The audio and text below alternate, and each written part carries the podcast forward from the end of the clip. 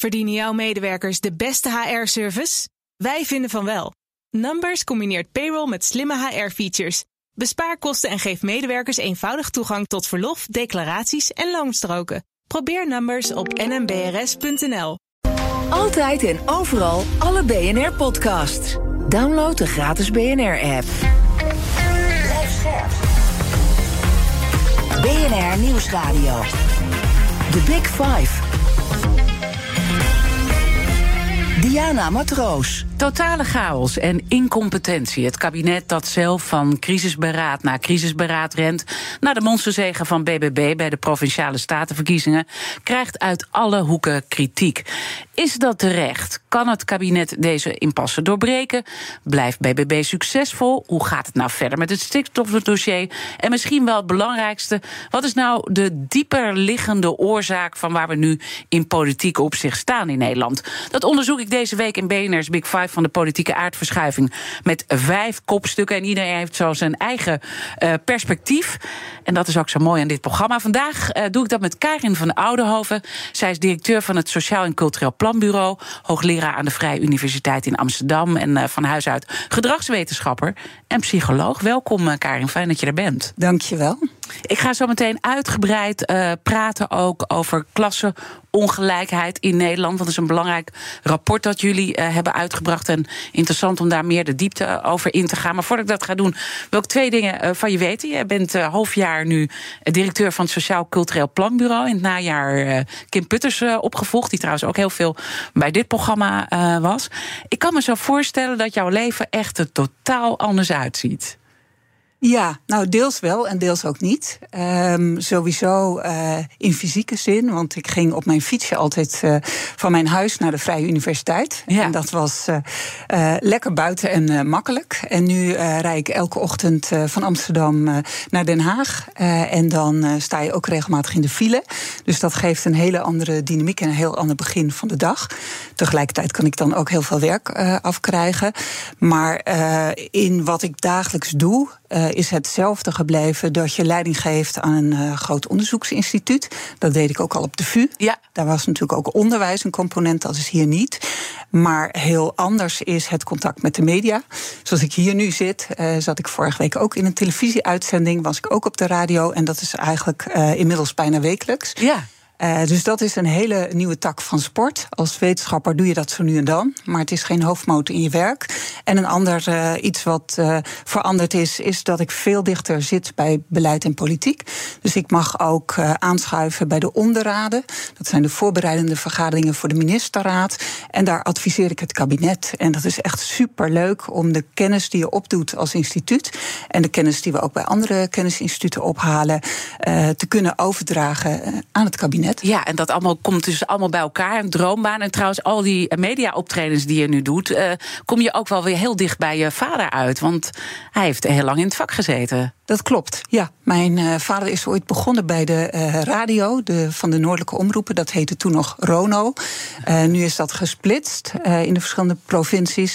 En heeft het grootste, grootste gedeelte van zijn leven gewerkt bij Van Gewest tot Gewest. Als redacteur-verslaggever. Dus de televisie was bij ons altijd in huis. Ja, ja leuk. Leuk dat je dan ook nu dit soort dingen gaat doen. En we gaan natuurlijk helemaal de diepte in over die politieke aardverschuiving ja. die we nu zien voltrekken. En die natuurlijk al een hele tijd bezig is. En uh, dat centreert zich ook rondom uh, vertrouwen. En als je dan kijkt naar het vertrouwen in de politiek, waarvan we weten dat het laag is en al een tijd laag is, is dat dan al een beetje aan het verbeteren naar die duidelijke verkiezingsuitslag? Nou ja, wij hebben geen gegevens van de afgelopen weken, dus daar kan ik niet iets over zeggen. Ik denk eerlijk gezegd dat het vertrouwen nog niet heel erg veranderd is uh, na die uitslag, omdat uh, er toch ook wel grote verwarring uh, is in het land. Maar ik denk dat het belangrijk is om even terug te gaan naar de aanloop, want wij hadden wel een beetje zien aankomen dat er zoiets zou gebeuren, omdat het vertrouwen in de politiek in Nederland toch van oudsher behoorlijk hoog is. Ook nu staan we overigens nog steeds wel in de middenmoot. Dus het is niet zo dat we in Europa uh, helemaal van de kaart vallen. Uh, met een dermate laag uh, vertrouwen dat, dat, nee, dat het echt heel dramatisch is. Maar voor de Nederlandse situatie is het al een tijd behoorlijk laag. En, kan, je, kan je een percentage even eraan hangen? Ja, nou ja, als je kijkt naar het vertrouwen in de regering, is op dit moment heeft 42 procent van de mensen vertrouwen in de Tweede Kamer en 40 procent in de regering. als je kijkt naar de, het antwoord op de vraag: heb je vertrouwen dat het met ons land de goede kant op gaat? Dan denkt 63 procent van de Nederlanders dat het de verkeerde kant gaat, op gaat met ons land. En dit zijn de laatste gegevens die we hebben. Die zijn zelfs nog niet eens gepubliceerd. Daarvoor was dat ook al uh, best uh, aan de redelijk lage kant. Maar het is dus in de laatste meting die we hebben gedaan, die is van zomer vorig jaar, was het nog weer een stuk lager. Ja, dus je ziet het echt naar beneden. En de vraag is even van hoe gaat het nou uitpakken door deze verkiezingsuitslag? En dan gaat het natuurlijk ook over wat er allemaal gebeurt nu in, in de afgelopen weken en, dan, en, de, de, komende periode. En dan zeg je van, um, ik, ik, verwacht niet dat het heel erg gaat kenteren, dat uh, vertrouwen in positieve zin. Uh, waarom zeg je dat? Wat, wat zien jullie nu gebeuren? Uh, nou ja, SAP? in de eerste plaats is het natuurlijk zo dat er provinciale statenverkiezingen zijn geweest en niet landelijke verkiezingen. En dit vertrouwen in de politiek gaat met name over het vertrouwen in de landelijke politiek. En die zit nog steeds ja. op haar plek. Dus in die zin is er geen reden om te vertrouwen dat het anders gaat. Je ziet ook wel dat het kabinet nu zoekende is. Hè, want ze weten dat ze wel iets moeten met de uitslag. Uh, tegelijkertijd blijven ze ook gewoon zitten. Er is een sterk versnipperd politiek landschap. En je ziet ook wel dat uh, er het echt inhoudelijke debat nog steeds niet gevoerd wordt. Dat hebben we ook gezien bij het stikstofdebat. Ja. Er, er, komt niet echt een uitkomst. Er worden dingen naar achteren geschoven. En uh, juist het feit dat het kabinet de grote vraagstukken van vandaag de dag niet goed oplost, is een van de redenen van dat laag vertrouwen. Dus ik denk niet dat er op dit moment een reden is om daar heel anders naar te kijken. En je zegt het, uh, het stikstofdebat, maar we hebben natuurlijk ook dat uh, vertrouwensdebat uh, gezien ja, een paar dagen geleden. Hè. Mm -hmm. werd een dagje uitgesteld. Rutte was ziek en het was een, een dag later. dat ging eigenlijk over meer thema's dan alleen stikstof. Maar mm -hmm. stikstof was daar heel centraal. Dat was ook wel begrijpelijk. Maar als je dan kijkt naar inhoudelijk debat en ook duidelijke taal, want dat is ook een van jouw punten waar we het straks ook nog wel over gaan hebben. Hoe heb je dan naar dat debat gekeken? Nou ja, het, het uh, in die debatten gaat het steeds wel heel erg over uh, interne kwesties. Dus mensen verwijten elkaar iets. Dat werd overigens in het, uh, in het debat ook een aantal keren aangestipt. Mm -hmm. Maar mensen praten heen en weer. Maar de echte inhoudelijke discussie, die krijg je niet te zien. Dus, dus de, de, ja, de onderliggende vraag is, is dan toch steeds: gaat het kabinet door of gaat het kabinet niet door? En daar wordt dan over heen en weer gesteggeld. En aan het eind van de rit is er niet echt een uitkomst. Dus ik denk dat uh, dat je hier pas echt uitkomt als je het lef hebt om ja, op de inhoud te gaan sturen, om inhoudelijk je uit te spreken en, en inhoudelijke keuzes te maken. Moet je het wel kunnen natuurlijk. Ja, nou ja, en dat is natuurlijk de klem waar het huidige kabinet ook in zit. Want er zitten een aantal partijen bij elkaar die het op een aantal onderdelen ook gewoon niet goed met elkaar eens zijn. Dus op het moment dat je dan tot het bot uh, gaat uitzoeken van waar ligt dan de common ground, dan is dat een hele lastige discussie. Ja, het is een hele lastige discussie. En wij zitten hier met z'n allen ook, ook achter de schermen daarover ja. te praten. Ik vanochtend ook weer met de eindredacteur. Waar zitten we nou precies naar te kijken? Je probeert het gewoon te bevatten wat er gebeurt. En uh, natuurlijk ook met de andere gasten uh, bespreken Is het machteloosheid wat we zien? Nou ja, ik denk dat wat ik net een klem noemde, ja. ja dat kun je machteloosheid noemen. Uh, want het is, denk ik, uh, op dit moment misschien wel een beetje uh, het dilemma van als we het echt inhoudelijk goed gaan uitzoeken met elkaar, houdt dit kabinet dan wel stand? is er dan inderdaad die common ground te vinden?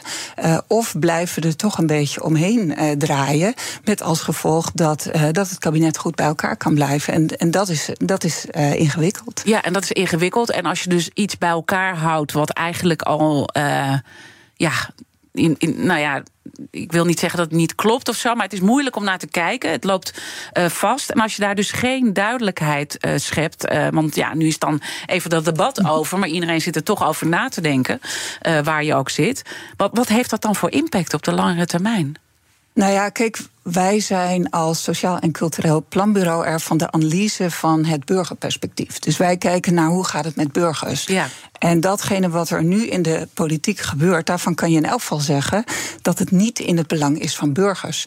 Want uh, burgers hebben nodig dat de politiek er is om hun dagelijkse problemen uh, op te lossen. En het lijkt er nu op dat dat onderwerp te veel naar de achtergrond uh, verdwijnt. En dat het dus te veel gaat om de politieke dynamiek aan zich. En dat zien wij ook in de analyses die we doen. Want dit is ook precies wat mensen zeggen. 42% zegt de politiek luistert niet uh, naar mijn problemen. De helft van de mensen zegt dat burgers meer zouden moeten meebeslissen.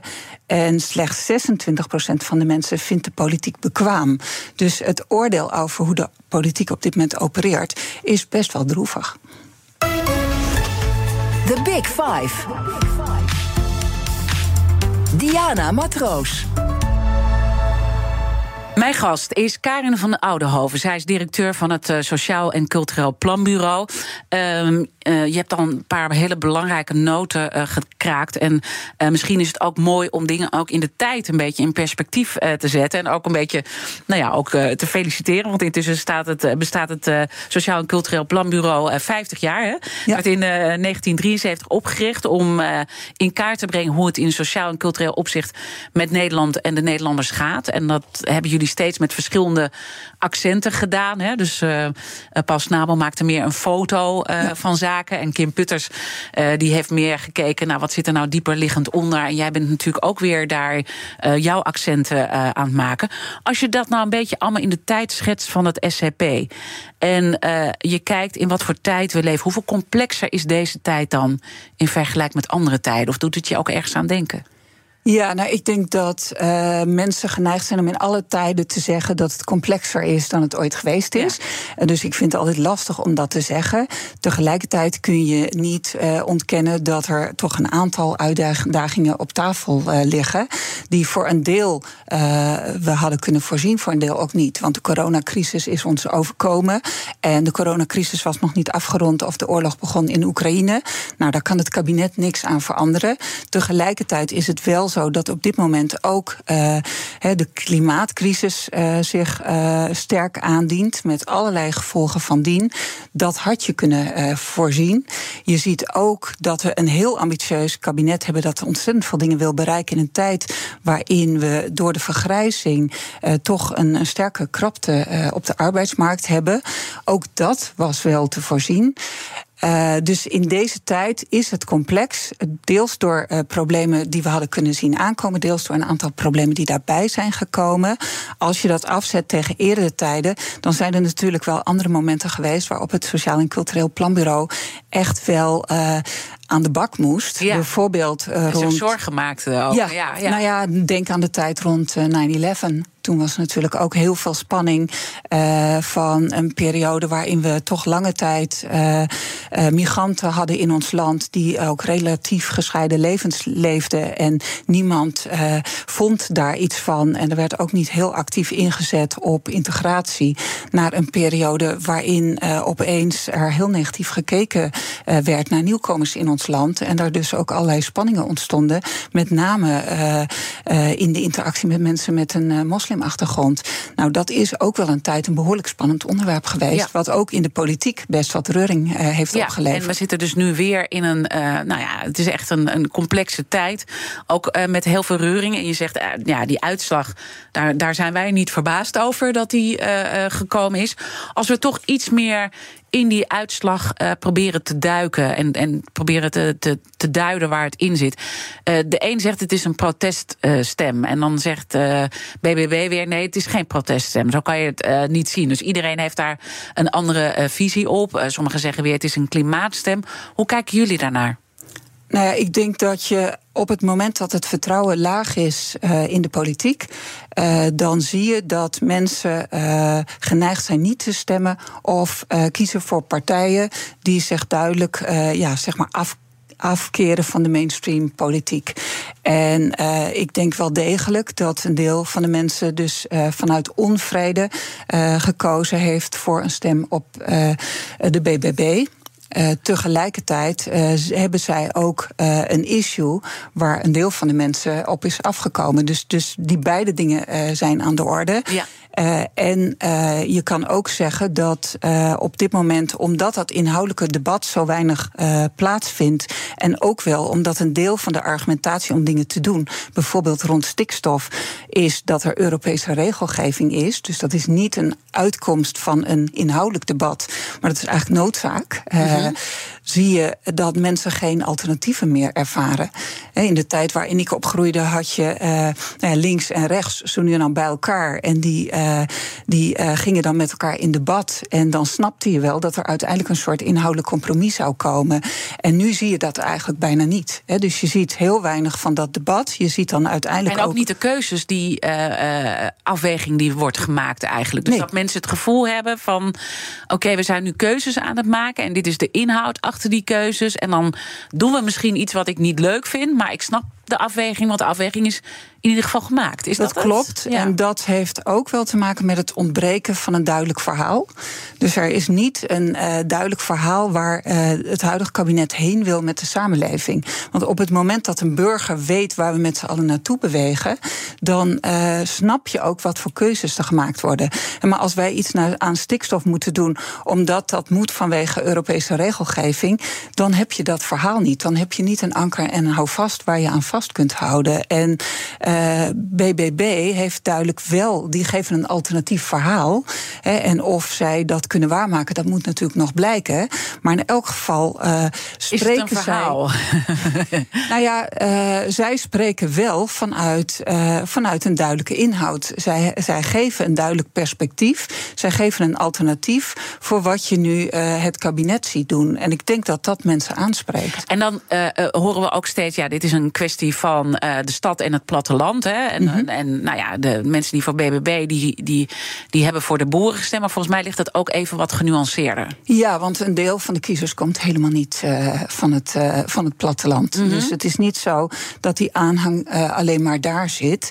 ik denk wel dat wat wij in ons eigen onderzoek zien, is dat wantrouwen in de politiek ook een sociaal-economische component heeft. Dus dat mensen die, die kwetsbaar zijn, ook nou ja, minder, überhaupt minder snel naar de stembus gaan.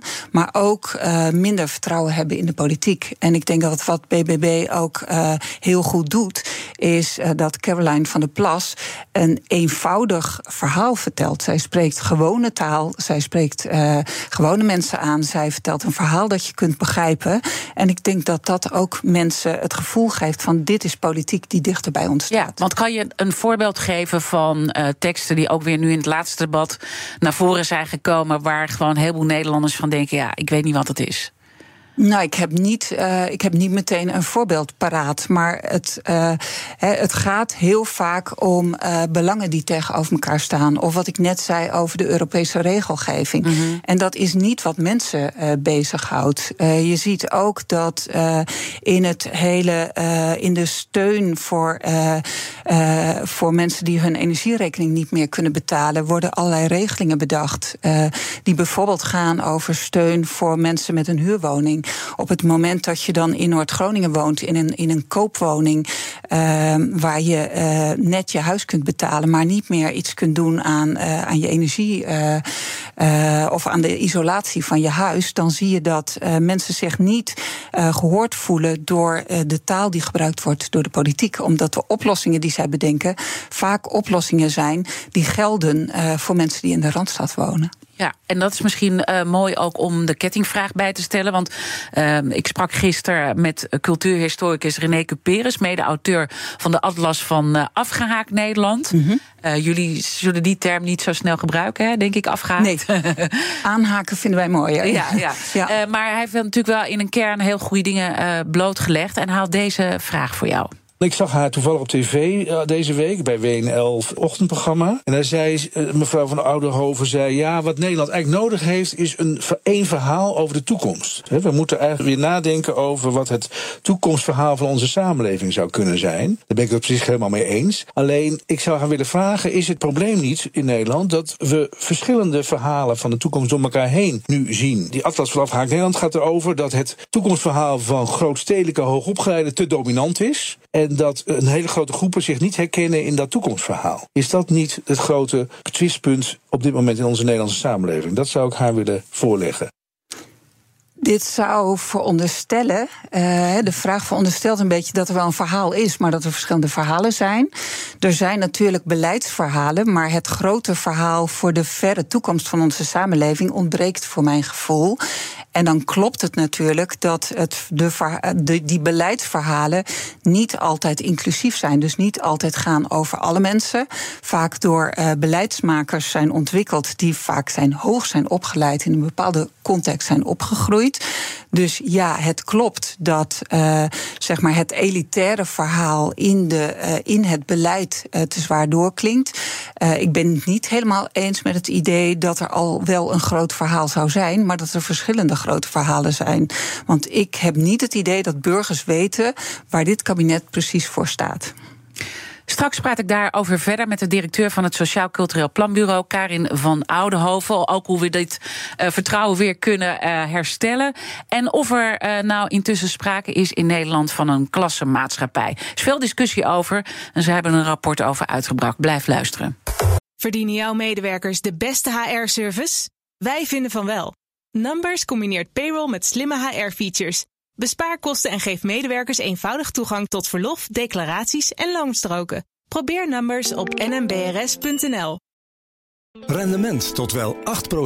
Ontdek Unity. Wij bieden koppelbare werk, kantoor en opslagruimtes die staan voor duurzaamheid, kwaliteit en veelzijdigheid. Sluit je aan bij Unity, waar alle ruimte is voor creativiteit, lef en rendement. Kijk voor meer informatie op unity-units.nl.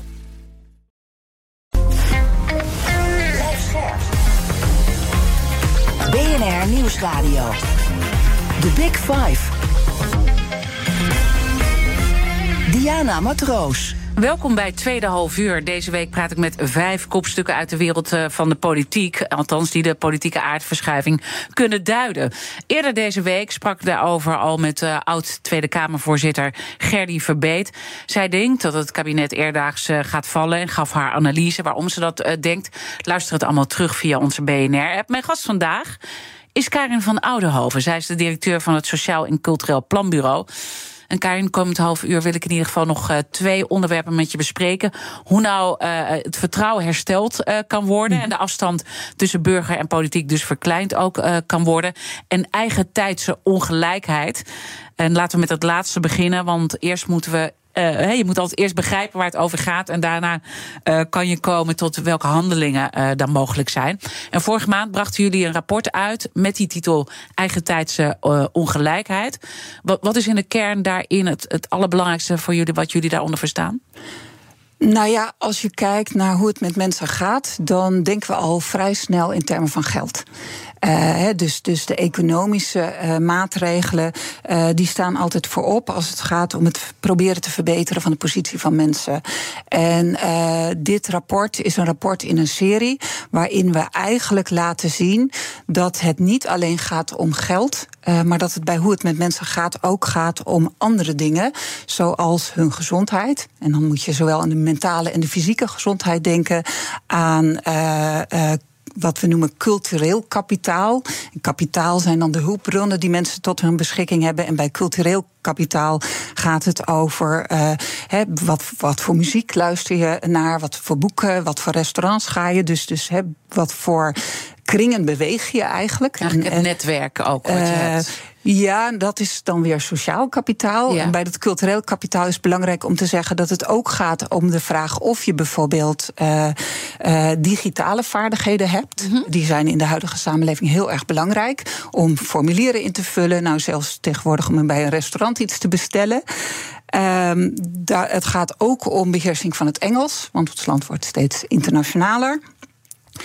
Uh, er is sociaal kapitaal, dat noemde jij zelf al uh, net. En dan gaat het om de mensen in je sociale omgeving.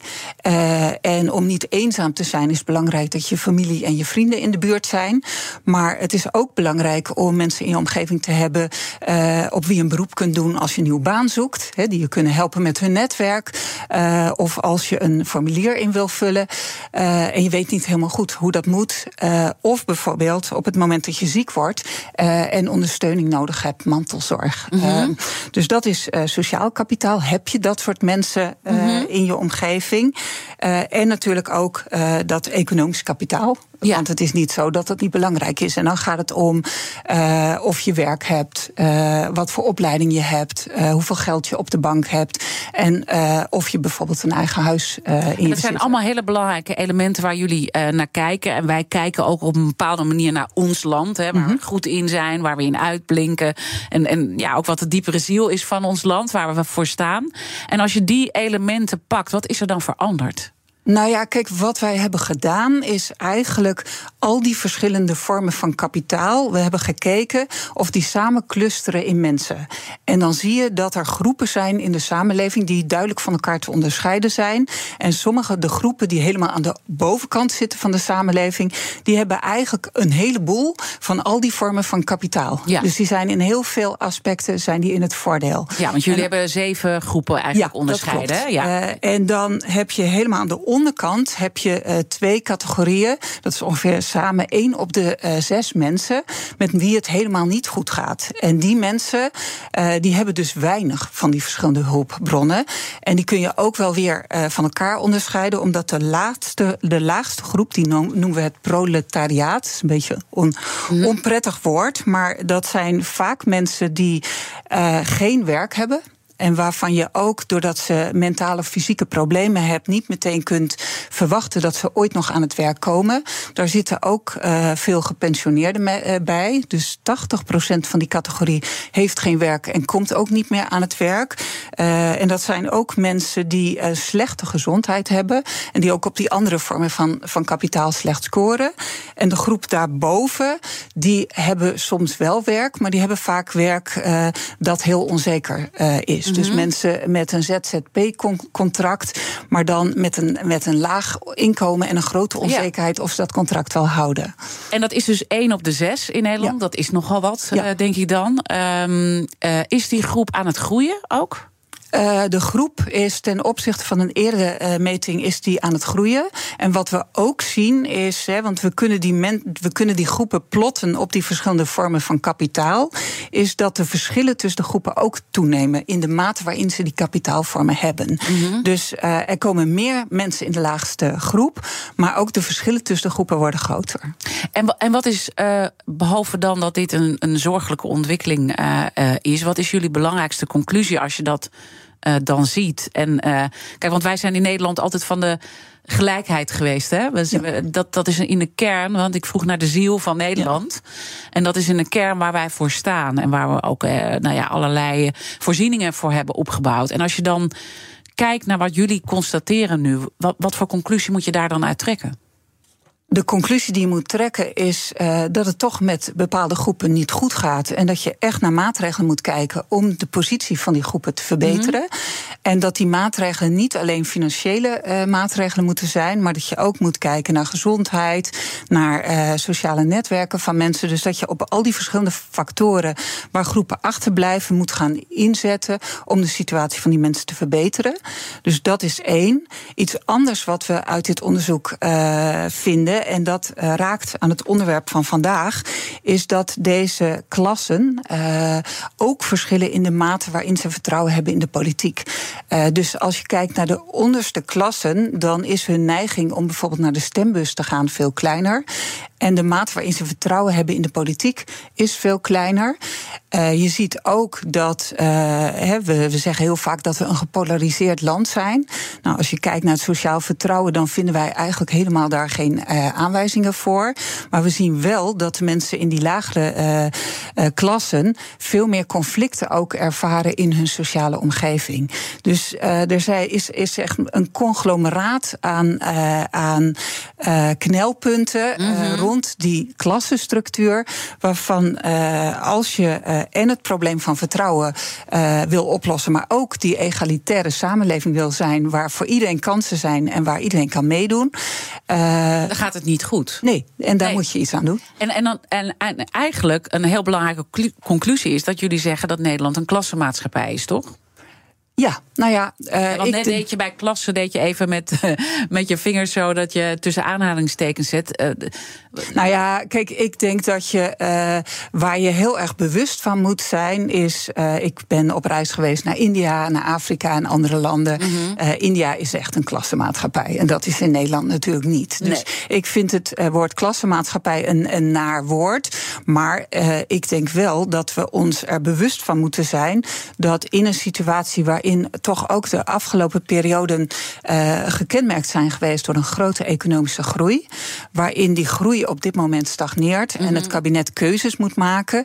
Je bij al die keuzes je uh, moet realiseren dat het makkelijk zo uitvalt dat er bepaalde groepen mensen het eerste de dupe zijn van die keuzes. En dat het voor hen extra nadelig uitvalt. En dat, er, en, dat er dus sprake is van structurele ongelijkheid. Dat mag je denk ik wel uh, zo zeggen. En dat de situatie van mensen met wie het niet goed gaat uh, uh, al heel lang niet verbeterd is. Hè. Dat is dus iets wat sluimerend aan de gang is, ondanks die economische groei.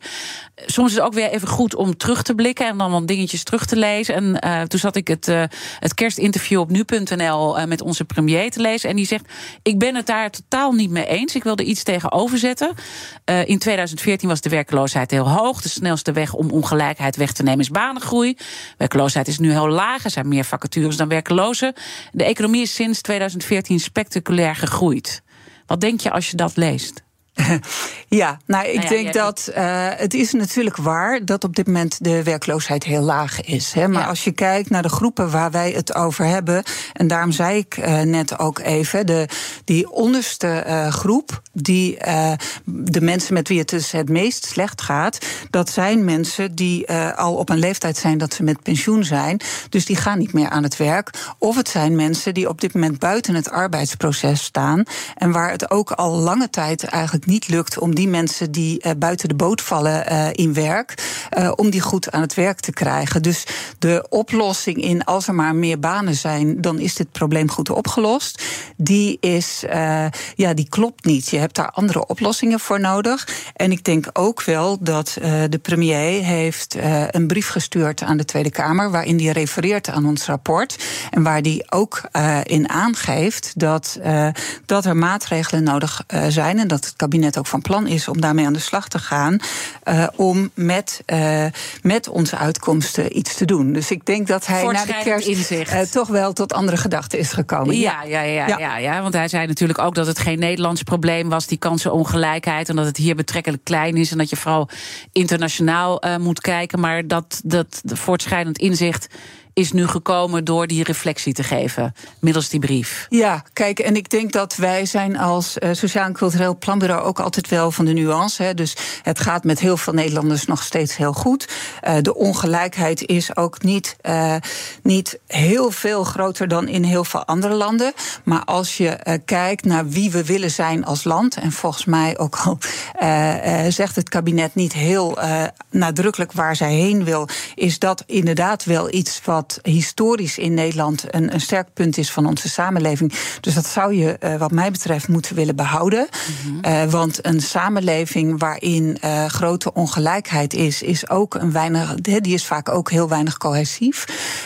daar is weinig binding tussen mensen. dat heeft dus impact op ons allemaal. Hè? Ja. Want je ziet het ja. nu vertaald in een politieke aardverschuiving. En nou ja, of dat nou goed of slecht is, daar, daar, daar, daar zeg ik verder niks over. Maar het heeft impact. Je ziet wat. Het heeft impact en daar hebben hebben wij ook uh, evidentie voor uit dit onderzoek. Omdat we ook mensen gevraagd hebben hoe ze uh, aankijken tegen maatschappelijke vraagstukken. Zoals bijvoorbeeld Europa, uh, migratie. En dan zie je ook dat die verschillende klassen heel erg verschillend in die onderwerpen staan. Dus het is ook potentieel een, een motor voor polarisatie. Verdienen jouw medewerkers de beste HR-service? Wij vinden van wel. Numbers combineert payroll met slimme HR-features Bespaar kosten en geef medewerkers eenvoudig toegang tot verlof, declaraties en loonstroken. Probeer Numbers op nmbrs.nl. Rendement tot wel 8%. Ontdek Unity. Wij bieden koppelbare werk, kantoor en opslagruimtes die staan voor duurzaamheid, kwaliteit en veelzijdigheid. Sluit je aan bij Unity, waar alle ruimte is voor creativiteit, lef en rendement. Kijk voor meer informatie op unity-units.nl. BNR Nieuwsradio. The Big Five. Diana Matroos. Je luistert naar BNR's Big Five van de politieke aardverschuiving. Eerder deze week sprak ik over dit thema met Ilona Lagas. Zij is de beoogd fractievoorzitter in de Eerste Kamer voor BBB, nu nog de lijsttrekker. Het gesprek is terug te luisteren via bnr.nl en de bekende podcastkanalen. Mijn gast vandaag is Karen van Oudenhoven, directeur van het Sociaal Cultureel Planbureau. Uh, we hebben, uh, um, je hebt een aantal belangrijke punten benoemd die je ook uh, nou, allemaal en wetenschappelijk ook onderbouwd zijn. Want die komen in al die rapporten natuurlijk uh, naar voren. En ik zei al even, het handelingsperspectief is ook voor jullie steeds belangrijker geworden. Hè? Omdat je eigenlijk in de tijd SCP ook. Uh, ontwikkeld is uh, daarin.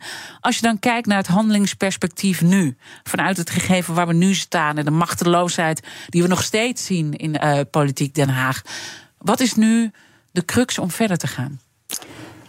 Nou ja, ik denk dat uh, als je kijkt naar wat uh, de overheid en de politiek uh, zouden moeten doen, dan heb ik één ding eerder in deze uitzending ook al wel benoemd. En dat is komen met een heldere visie op waar het met de samenleving naartoe moet. Als een soort ja, ehm, bodem waarop je de dingen die je wil gaan doen ook duidelijk kunt plaatsen.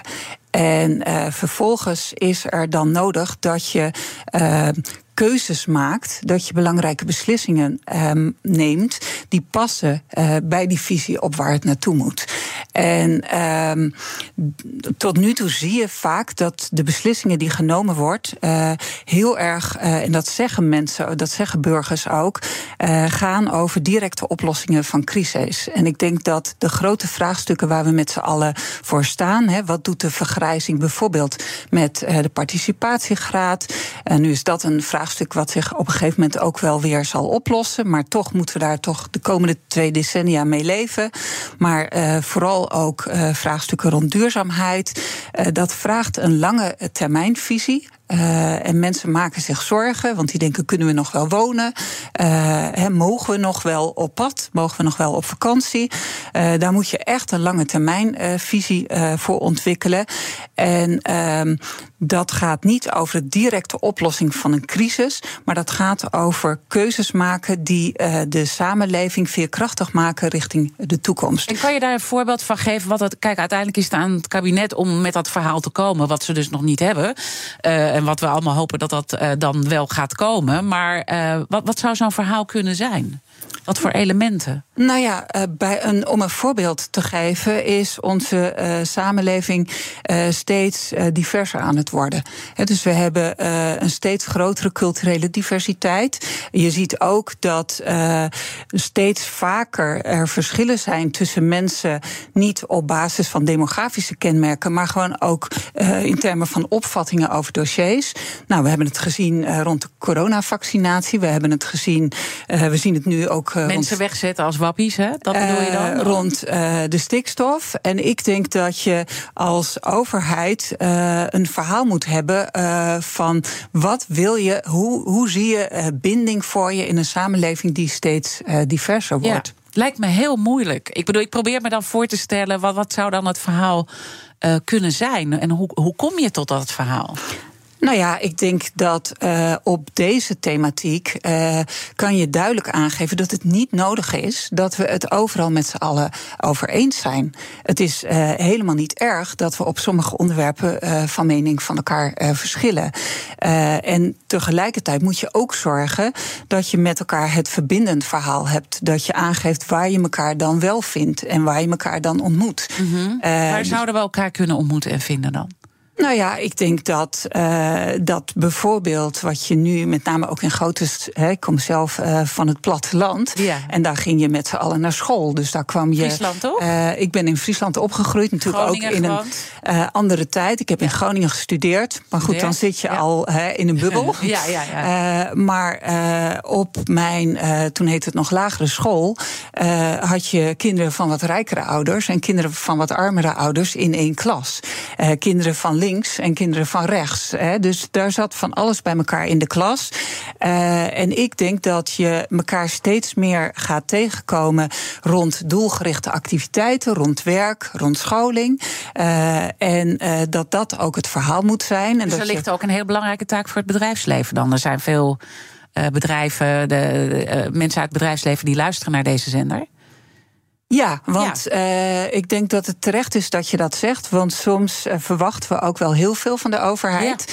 Ja. in het bouwen van de samenleving uh, heeft de overheid iets te doen. heeft het maatschappelijk middenveld iets te doen. Hebben bedrijven iets te doen. En hebben burgers iets te doen. En op dit terrein en op dit voorbeeld kunnen bedrijven natuurlijk ook heel erg veel doen. Om te zorgen dat de grote variatie aan mensen die zij ehm, in huis mhm. hebben, uh, dat die op een goede manier uh, met elkaar samenwerken op de werkvloer. Ja, ik probeer gewoon uh, ook steeds meer te visualiseren en concreet te maken, want ik snap ja? de kern van je verhaal, maar volgens mij, nou ja, kom je ook op andere plekken, ook andere plekken in ja. de wereld waar je ook, nou ja, licht op doet en kijkt hoe doen ze het daar. Zijn er voorbeelden van landen die dat gewoon nou heel goed in de gaten hebben welke kant het op moet? Want natuurlijk over de hele wereld zitten we enorm in beweging en uh, zie je die structurele ongelijkheid uh, toenemen. Wat is iets waarvan jij, waardoor je hoop krijgt van zo kan het dus ook? Nou ja, ik denk dat uh, als je kijkt naar de uh, eurobarometer, dan zijn er meer landen uh, in Europa waar uh, mensen zich zorgen maken, bijvoorbeeld over de economische situatie de komende ja. periode. Um, en landen waar dat minstens even sterk is als in Nederland zijn bijvoorbeeld Ierland en Denemarken.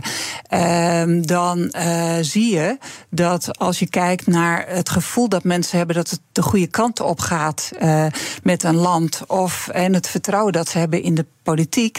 Uh, deze twee landen het op die factor veel beter doen. En wat doen en ze dan ik, anders? Uh, ik ken niet alle details van nee, hoe ze dat aanpakken. Hè, maar ik denk dat het, het politiek leiderschap, dus het hebben van politiek met visie en het hebben van verbinding met je burgers, uh, dus het snappen wat er leeft, dat dat in elk geval in een land als Denemarken beter uh, geregeld is. Mm -hmm. Ook al zijn er natuurlijk ook in Denemarken dossiers waarop je af kunt vragen ja. of dat de goede kant ja, op gaat. Ja, maar over het geheel genomen zie je dat in dat soort landen uh, ja, beleid dan toch beter aansluit bij de behoeftes van en burgers. En is het dan toch ook de kern die jullie ook in het SCP als boodschap naar voren brengen. Dat je dus ook het begint met, met erkennen mm -hmm. uh, dat het niet alleen een economisch probleem is, maar een veel breder probleem. Dus ook dat, dat, dat cultureel. Eigenlijk gewoon ook het SCP, hè, waar jullie voor staan, het sociaal en cultureel kapitaal. Ja, nou ja, ik denk dat in Scandinavische landen zie je bijvoorbeeld dat uh, hele goede dingen gebeuren in de, in de kinderopvang. Ja. Uh, en dat het daar ook veel gewoner is dat, dat kinderen uh, hoge kwaliteit kinderopvang krijgen. Ja. En dat heeft dus Nog niet. een tegenstelling met ons kinderopvang. Dat heeft, maar goed. Ja, dus dat heeft niet alleen dus een economische functie, maar ook een sociaal en culturele functie. En dat is inderdaad iets waarvan wij zeggen, steeds ook tegen het kabinet zeggen: kijk niet alleen naar de economie, maar kijk ook naar sociaal en culturele aspecten.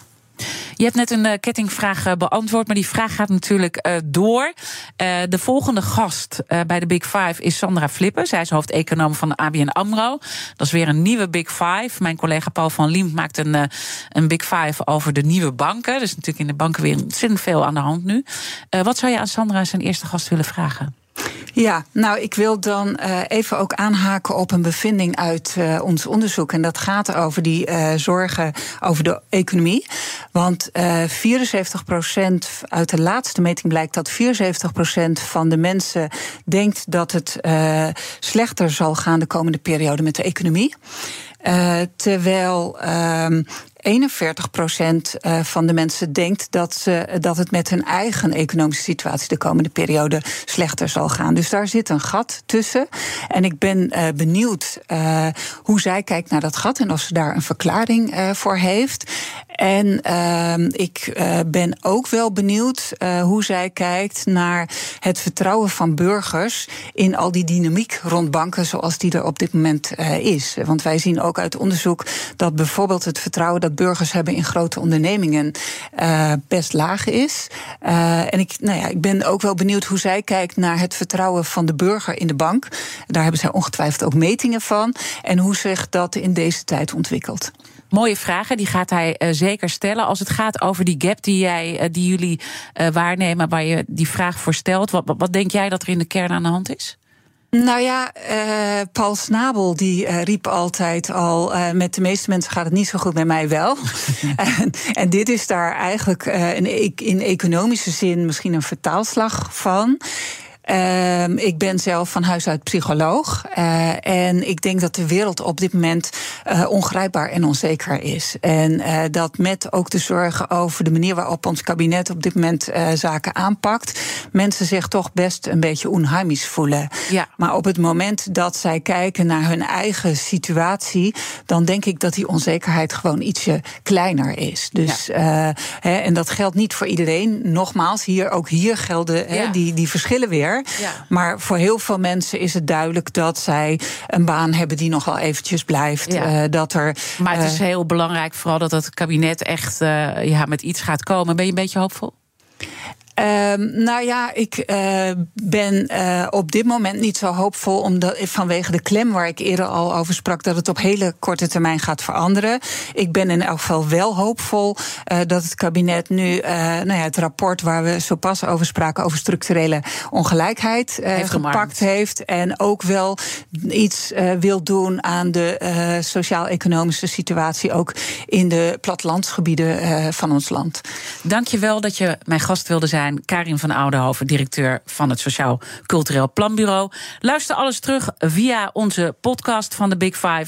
Maar blijf live. BNR Politiek met Nina van der Dungen. Ik wens je een mooie dag en een prachtig weekend. Verdienen jouw medewerkers de beste HR-service? Wij vinden van wel. Numbers combineert payroll met slimme HR-features. Bespaar kosten en geef medewerkers eenvoudig toegang tot verlof, declaraties en loonstroken. Probeer Numbers op nmbrs.nl.